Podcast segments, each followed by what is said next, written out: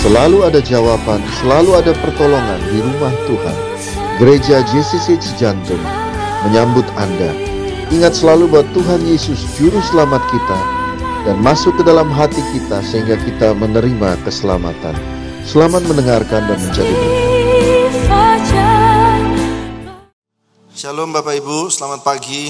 Minggu lalu kita belajar tentang ketaatan dari kisah lima roti dan dua ikan. Siapa yang diberkati minggu lalu? Ya, baik kita akan masuk lagi tentang ketaatan kepada Tuhan. Seri yang kedua pada pagi hari ini dari Yohanes pasal yang kedua ayat 1 sampai ke 10. Saya mau kita baca bergantian, saya ayat pertama dan saudara ayat kedua. Pada hari ketiga ada perkawinan di Kana yang di Galilea dan ibu Yesus ada di situ. Saudara ayat kedua, Yesus Ketika mereka kekurangan anggur, ibu Yesus berkata kepadanya, mereka kehabisan anggur. Ayat 4. Mau apakah engkau daripadaku ibu? Saatku belum tiba ayat 5. Tetapi Ibu Yesus berkata kepada pelayan-pelayan, apa yang dikatakan kepadamu, buatlah itu. Di situ ada enam tempayan yang disediakan untuk pembasuhan. Menurut adat orang Yahudi, masing-masing isinya dua tiga buyung. Yesus berkata kepada pelayan-pelayan itu, isilah tempayan-tempayan itu penuh dengan air, dan mereka pun mengisinya sampai penuh. Lalu kata Yesus,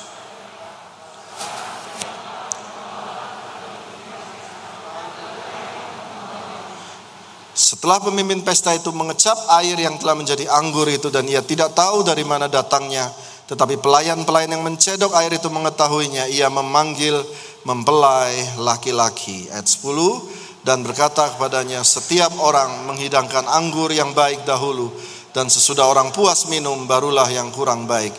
Akan tetapi engkau menyimpan anggur yang baik sampai sekarang. Baik. Boleh ditampilkan gambar yang pertama?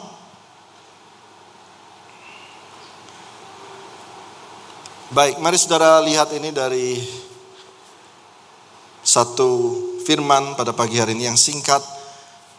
Pada hari ketiga ada perkawinan di Kana yang di Galilea dan ibu Yesus ada di situ.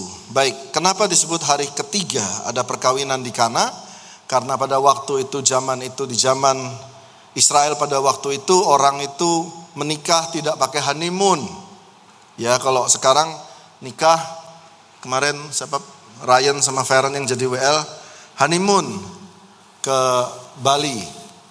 Nah, zaman itu tidak ada honeymoon. Jadi apa yang dilakukan keluarga adalah pesta selama tujuh hari. Jadi orang semua dari saudara-saudara mereka dari luar kota semua datang di situ, nginap di situ dan pesta selama tujuh hari. Dan pada hari ketiga, ini perhatikan baik-baik dan ibu Yesus ada di situ.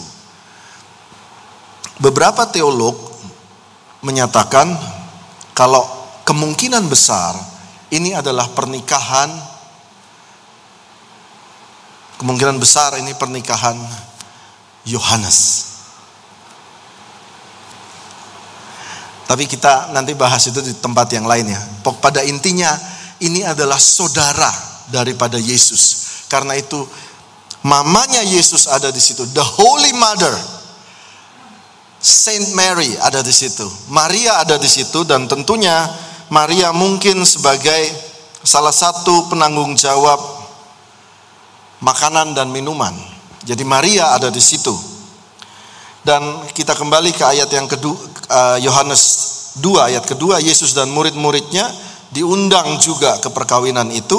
Ayat ketiga ketika mereka kekurangan anggur Mari saudara baca sama-sama dengan saya ketik satu dua tiga. Ketika mereka kekurangan anggur ibu Yesus berkata kepadanya mereka kehabisan anggur. Pertanyaan saya adalah kenapa waktu mereka kekurangan anggur dia datang kepada Yesus? Kenapa tidak datang kepada tuan pesta Dari minggu lalu saya mencoba untuk menerjemahkan Alkitab dengan cara sesederhana-sederhana mungkin menempatkan diri kita ada di tempat itu pada waktu itu dan mempelajari budaya dan tradisi waktu itu.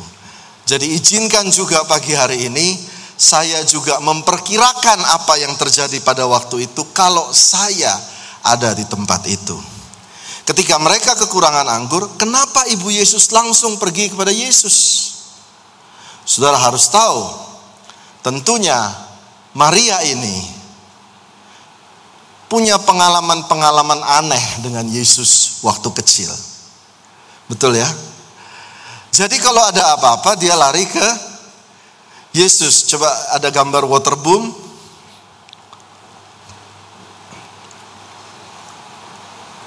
Ya, mungkin waktu kecil, Yesus kecil, mereka ngumpul di waterboom Cikarang, anak-anak lagi ngumpul, terus Maria deketin, nak, nak, tolong berenang aja, jangan jalan di atas air. Saudara ngerti ya? Di kebiasaan jalan di atas air.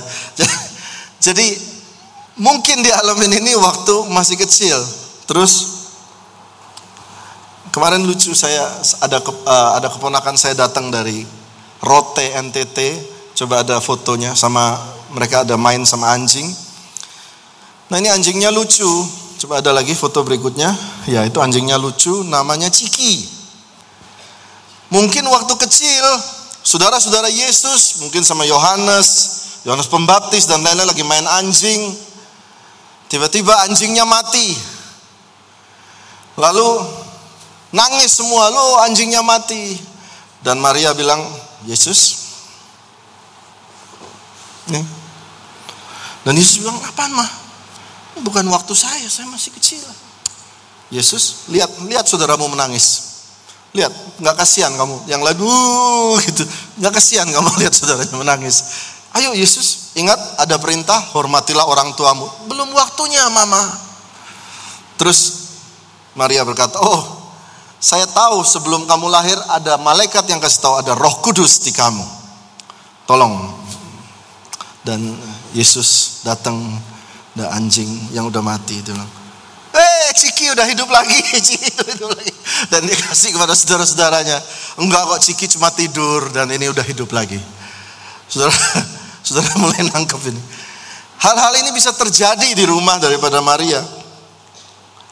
Satu hari mungkin Yesus sedang bikin PR, lalu tiba-tiba Maria ada tamu di rumah datang. Yesus, ini ada tamu, siapkan mangga, beliin mangga di Alfamart. Dan Yesus menjawab, Mama, saya lagi sedang bikin PR. Dan Maria berkata, tolong mangganya dong. Lalu ini masih bikin PR mah, nggak bisa kita ke Alfamaret. Dan Maria berkata, Yesus. Terus Maria berkata, Yesus berkata, Ma, coba buka di lemari sekali lagi. Dan dibuka lemari sekali lagi, udah ada mangga bermunculan di situ. Hal-hal seperti ini bisa terjadi dengan Yesus. Karena itu dia datang kepada Yesus. Ayo kita baca lagi yuk ayatnya yuk. Ayo kita lihat lagi ayatnya. Ayat 3 tadi.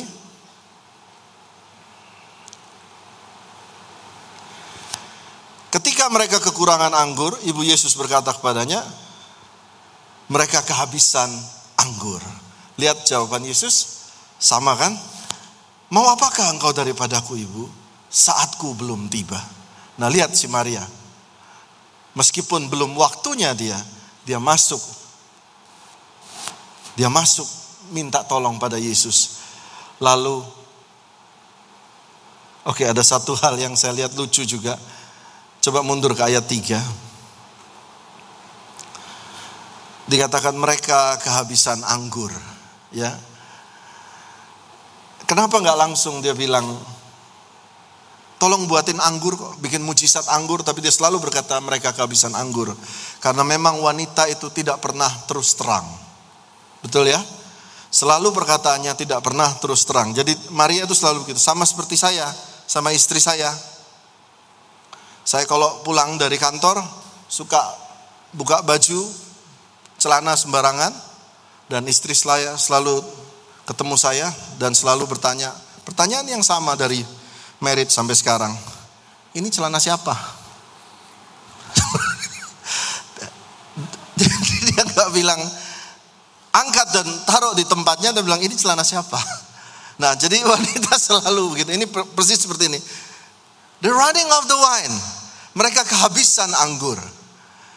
Ya, saudara mesti mengerti kalau wanita bilang begitu, saudara harus mengerti artinya ada level 2 dan level 3. Ya. Saudara ngerti ya? Sama kayak itu tadi gambarnya apa tuh sinetron tadi. Nah, Oh kan saudara, saudara dengar firman gak ketawa. Digambarin gini ketawa. Seperti ini. Kamu benar kerja buat saya? Nah, hati-hati kalau dia tanya begitu. Ya kan? Lalu ini handphone apa? Ini transfer apa? Nah ini ini cerita yang lagi heboh di demikian. Oh kita terus lagi ya. Ini lagi jadi seru nih.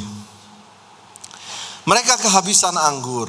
Nah, lalu setelah itu ayat 4 Kata Yesus, mau apakah engkau daripadaku ibu saatku belum tiba. Lalu ayat kelima, tetapi ibu Yesus berkata kepada pelayan-pelayan, mari saudara baca, ini ayat kunci kita hari ini. Tetapi satu dua tiga, tetapi ibu Yesus berkata kepada pelayan-pelayan, apa yang dikatakan kepadamu, buatlah itu. Boleh ditunjukkan gambarnya?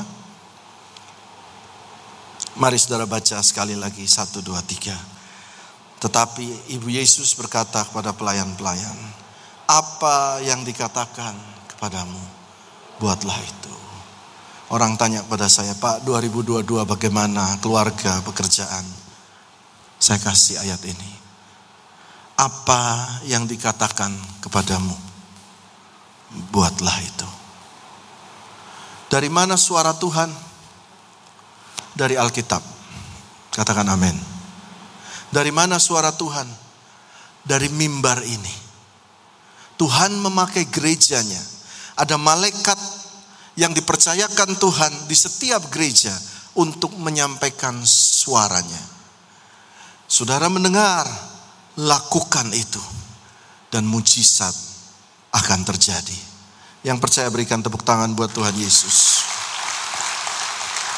Apa yang dikatakan kepadamu buatlah itu. Lalu yang terjadi adalah mereka mengambil air tempayan cuci kaki, mungkin ada gambarnya. Ya, ada enam tempayan besar. Lalu dicedoknya lah air tempayan itu. Dan lalu dibawa ke pemimpin pesta. Air itu berubah menjadi anggur. Dan anggur yang enak sekali rasanya. Tempayan yang awalnya adalah tempayan yang tidak dilihat orang. Tuhan rubah pada waktu itu tempayan yang tidak dilihat orang itu menjadi sumber pesta. Nah lalu saya ingat T.D. Jakes dua tahun yang lalu saya ingat saya ingat waktu T.D. Jakes cerita tentang firman ini dia berkata bahwa buyung-buyung tersebut, tempayan tersebut, sekali lagi saya katakan, tempayan-tempayan tersebut yang kelihatan usang, kelihatan tidak berguna,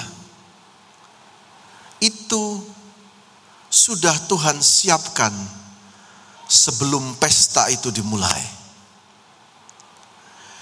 Kadang Tuhan sudah siapkan jawaban doamu Sebelumnya, sebelum waktu Tuhan penggenapan janji itu disiapkan, Tuhan pasti pakai sesuatu yang ada di dekat kamu. He always use something near you. Dia nggak pernah pakai sesuatu yang terlalu hebat, terlalu jauh. Sesuatu yang sederhana. Karena itu kadang-kadang saudara kalau punya beban dalam hidup, kesusahan dalam pundak saudara. Saya lihat, saya baca satu persatu pergumulan doa saudara minggu lalu. Saya berdoa, jangan-jangan seperti tempayan ini. Nanti ada waktunya tempayan itu justru yang menjadi sumber pesta. Anak yang dulu mungkin jadi beban paling besar, anak ini menjadi berkat paling besar. Amin. Suami yang dulu susah payah cari kerja, suaminya diberkati berlimpah-limpah. Tuhan bisa pakai apa saja. Baik, sekarang ada dua poin yang buat saudara ingat pada hari ini tentang ketaatan. Boleh tampilkan poin pertama? Ini saya mau dalam di sini.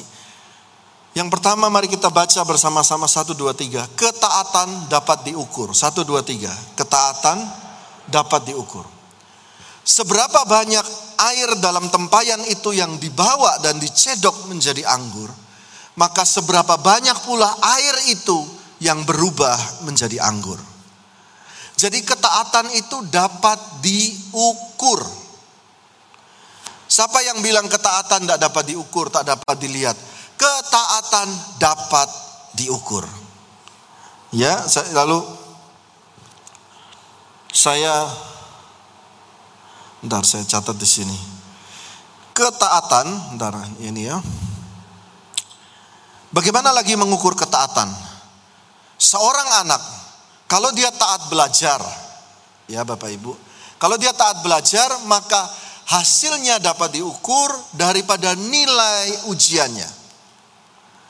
Betul nggak? Betul kan? Jadi sebuah obedience, obedience is measurable. Ketaatan itu dapat diukur.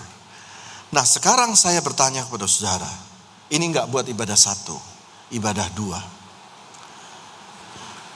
Ibadah jam sembilan. Datangnya jam sembilan dong. Sembilan kurang sudah siap. Katakan amin. Itu dapat diukur ketaatannya. Saudara bilang saya taat sama Tuhan. Tetapi saudara datangnya jam 9.20 pas firman. Nah pas firman saya singgung saudara. Sampai sini nangkep saudara? Hal kecil ketaatan dapat diukur. Minggu lalu, waktu persembahan dihitung, sebuah ketaatan juga dapat diukur dari apa yang engkau berikan. Minggu lalu saya sedih dan saya harus mengajar kepada saudara. Waktu engkau memberikan kepada Tuhan, berikanlah yang terbaik. Sekali lagi saya ulangi berikan yang terbaik. Kalau belum bisa, ulang saya ulangi ya. Kalau belum bisa memberikan yang terbaik, berikanlah dengan cara yang baik. Amin. Saudara kalau punya orang tua, ya, ini ada mama saya di sini. Saya selalu berusaha memberi yang terbaik dengan kemampuan saya. Boleh tanya mama saya. Saya makan di restoran yang terbaik, selalu saya bawa ke restoran yang terbaik sesuai kemampuan saya. Tetapi jarang sekali dan mungkin tidak akan pernah kalau saya susah sekalipun, saya hanya punya roti satu biji untuk diberikan kepada mama saya. Lalu saya memberikan rotinya, diuntel-untel dan saya lempar. Itu bukan lambang ketaatan yang baik. Betul kan? Demikian juga waktu engkau memberikan persembahan. Tolong, berikanlah dengan cara yang baik. Gak usah diuel-uel. Udah diuel-uel. Gak tahu diapain ya. Susah banget dibuka. Gak usah saudara. Kalau memang saudara sanggup 100 ribu, berikan 100 ribu. Kalau engkau sanggup 5 ribu, berikan juga 5 ribu. Tuhan akan memberkati. Besok engkau bisa 10 ribu, 20 ribu, 100 ribu, bahkan jutaan rupiah. Tetapi bukan berarti waktu engkau 5 ribu, engkau uel-uel, terus mencari uang yang paling jelek dan dilempar ke dalam persembahan rumah Tuhan. Obedience is measurable. Saya tidak heran Kalau dalam ketaatanmu, dalam hal sederhana, cara memberi seperti itu, minta maaf. Tidak heran kalau banyak di antara saudara yang bergumul tentang keuangan. Itu nyambung. Caramu menghandle sesuatu yang kecil melambangkan caramu menghandle sesuatu yang besar. Pasti sama. Kalau engkau kasih Tuhan berantakan, uel-uelan, lempar, percayalah kalau kerja pasti berantakan, uel-ulan, lempar kiri, lempar kanan. Itu pasti mirip. Hari ini Tuhan bilang, saudara mau taat sama Tuhan? Kalau saudara mau taat sama Tuhan, perbaiki tata hidup kita. Amin. Dalam segala hal. Di gereja, hubungan sama saudara, hubungan sama teman-teman, perbaiki yang baik. Give good. And good will kembali lagi kepada kita. Katakan amin. Ketaatan itu dapat diukur. Dalam tadi malam saya berdoa, Tuhan titip pesan dalam keuangan, Ketaatan dapat diukur dalam keluarga. Ketaatan juga dapat diukur in the family. Ketaatan juga dapat diukur. Kesetiaan dapat diukur enggak? Dapat diukur. Ketiga, dalam menata hidup, ketaatan juga dapat diukur. Yang kedua, di dalam ketaatan ada penyediaan supranatural Poin kedua, dalam ketaatan ada penyediaan supranatural. Nah, saya saya ingin berdoa buat saudara nanti. Banyak yang bergumul tentang keuangan. Saya mau berdoa buat saudara. Saudara, ini tidak apa-apa ya dalam dikit, ini jemaat kita sendiri ya. Banyak yang berkata begini, buat apa kasih persembahan? Buat apa kasih persepuluhan? Toh hidup-hidup saya juga begini-begini saja. Nah, saya mau tulis, saya tulis di sini. Jangan mendengar suara iblis.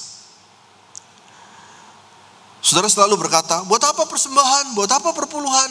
Kita begini-begini aja. Yang kaya gerejanya, Gereja kaya enggak itu yang pelihara Tuhan. Betul? Saudara datang ke gereja ini, sudah jadi gedung ini. Ini loh, saya jadi kesaksiannya. Teman-teman di belakang ini juga jadi kesaksian wasir-asir. Bagaimana Tuhan dengan ajaib membangun gereja ini. Nah,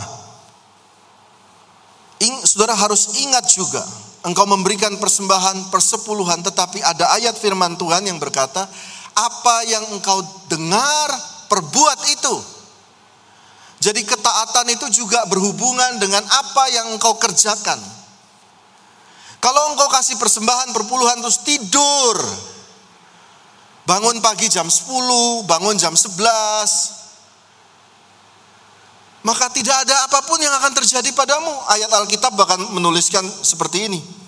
Pekerjaan tanganmu akan dibuat berhasil yang dibuat berhasil apa? Pekerjaan tanganmu. Jadi you have to do. Engkau harus melakukan sesuatu dan berkat Tuhan ada di atas tanganmu yang melakukan sesuatu itu. Katakan amin. Hari ini keras ya. Saya ingat ini saudara. Mari saudara saya mau lebih dalam karena banyak yang berdoa untuk keuangan. Boleh ada gambarnya Eric Thoher. Eric Thoher berkata, kalau engkau mau sukses, engkau harus punya expertise, harus ada keahlian. Keahlian itu didapat dari mana? Keahlian itu didapat dari belajar. Engkau at least kalau engkau tidak bekerja, engkau belajar untuk sesuatu. Tadi pagi saya ketemu dengan Pak Steny, beliau adalah seorang manajer di PT Kawan Lama. Lalu beliau handle akan mixer digital gereja kita Midas M32 yang disumbang oleh orang dan waktu dia kita waktu datang kita bingung karena alatnya digital semua kayak helikopter dan Pak Steny bilang saya bayar Pak uang 100 ribu saya ikut namanya apa kursus online digital dan saya belajar itu nah pengetahuan itu expertise itu ada biayanya saudara harus mau melakukan itu kalau saudara cuma tidur-tidur, datang gereja seger nih, ada berkat, ada berkat, tetapi hari Senin sampai Jumat saudara tidur. It's bukan begitu caranya. Yang setuju kasih semangat tepuk tangan buat Tuhan. Amin saudara. Jadi nanti saudara pulang semangat ya. Semangat. Coba katakan amin. Amin. Kalau saudara belum ada pekerjaan, ikutlah kursus ada Pak Rudianto di sini. Pak Rudianto di mana? Ada Pak Rudianto mungkin oh, Pak Rudianto di di mana sih Pak Rudianto? Ya, ada Pak Rudianto. Pak Rudianto ini juga mengajar di balai daripada pemerintah yang mengajarkan berbagai macam skill. Saudara tahu tukang AC. Tukang apa lagi? Tukang AC, tukang listrik. Saudara punya skill itu berharga dan bisa jadi uang. Betul saudara? Tapi itu semua harus melakukan, saudara harus, saudara harus melangkah. Harus melangkah. Jadi setelah saudara melangkah, saudara lihat berkat Tuhan mengalir. Nah, saya juga taat pada hari ini. Gereja hari ini menyiapkan dana 2.500.000 bagi 10 orang nanti bisa daftar ke Pak Rudianto yang mau ikut kursus online. Pak, saya mau belajar kursus online. Entah itu kursus ekspor import, kursus belajar mixer lah, belajar listrik. Satu orang 250 ribu. Kalau saudara perlu, daftar ke Pak Rudianto. Saya taat. Tuhan bilang, nak, taat, siapkan 10 orang. Supaya saudara tahu gereja itu ada persediaan makanan. Amin. Sehingga semua tahu di dalam gereja tidak ada yang miskin.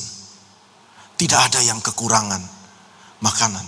Yang lemah diperkuat, yang miskin diper diperkaya. Bukan diperkaya tiba-tiba, diperkaya karena engkau berjalan dan taat bekerja. Amin. Jadi sekarang firman Tuhan simpel aja. Yang pertama apa tadi? Ketaatan dapat diukur. Yang kedua, ketaatan itu ada penyediaan supranatural. Oke, saya baca lagi Yohanes 2 ayat 5. Tadi bisa digambarkan lagi Yohanes 2 ayat 5. Mari saudara baca sama-sama. Tetapi Ibu Yesus berkata kepada pelayan-pelayan. Mari baca bersama-sama. Apa yang dikatakan padamu? Buatlah itu. Sekali lagi, apa yang dikatakan kepadamu, buatlah itu. Nanti kita berdoa. Saudara tahu, waktu kata Jehovah Jireh, tadi lagunya nyanyikan Jireh ya teman-teman ya. Jireh itu artinya Allah yang menyediakan. Allah yang menyediakan itu terjadi. Pertama kali diucapkan Jireh itu pada waktu seorang manusia bernama Abraham taat berjalan memberikan anaknya.